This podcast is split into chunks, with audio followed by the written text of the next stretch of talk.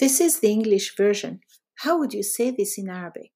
Listen to the Arabic version available here as well.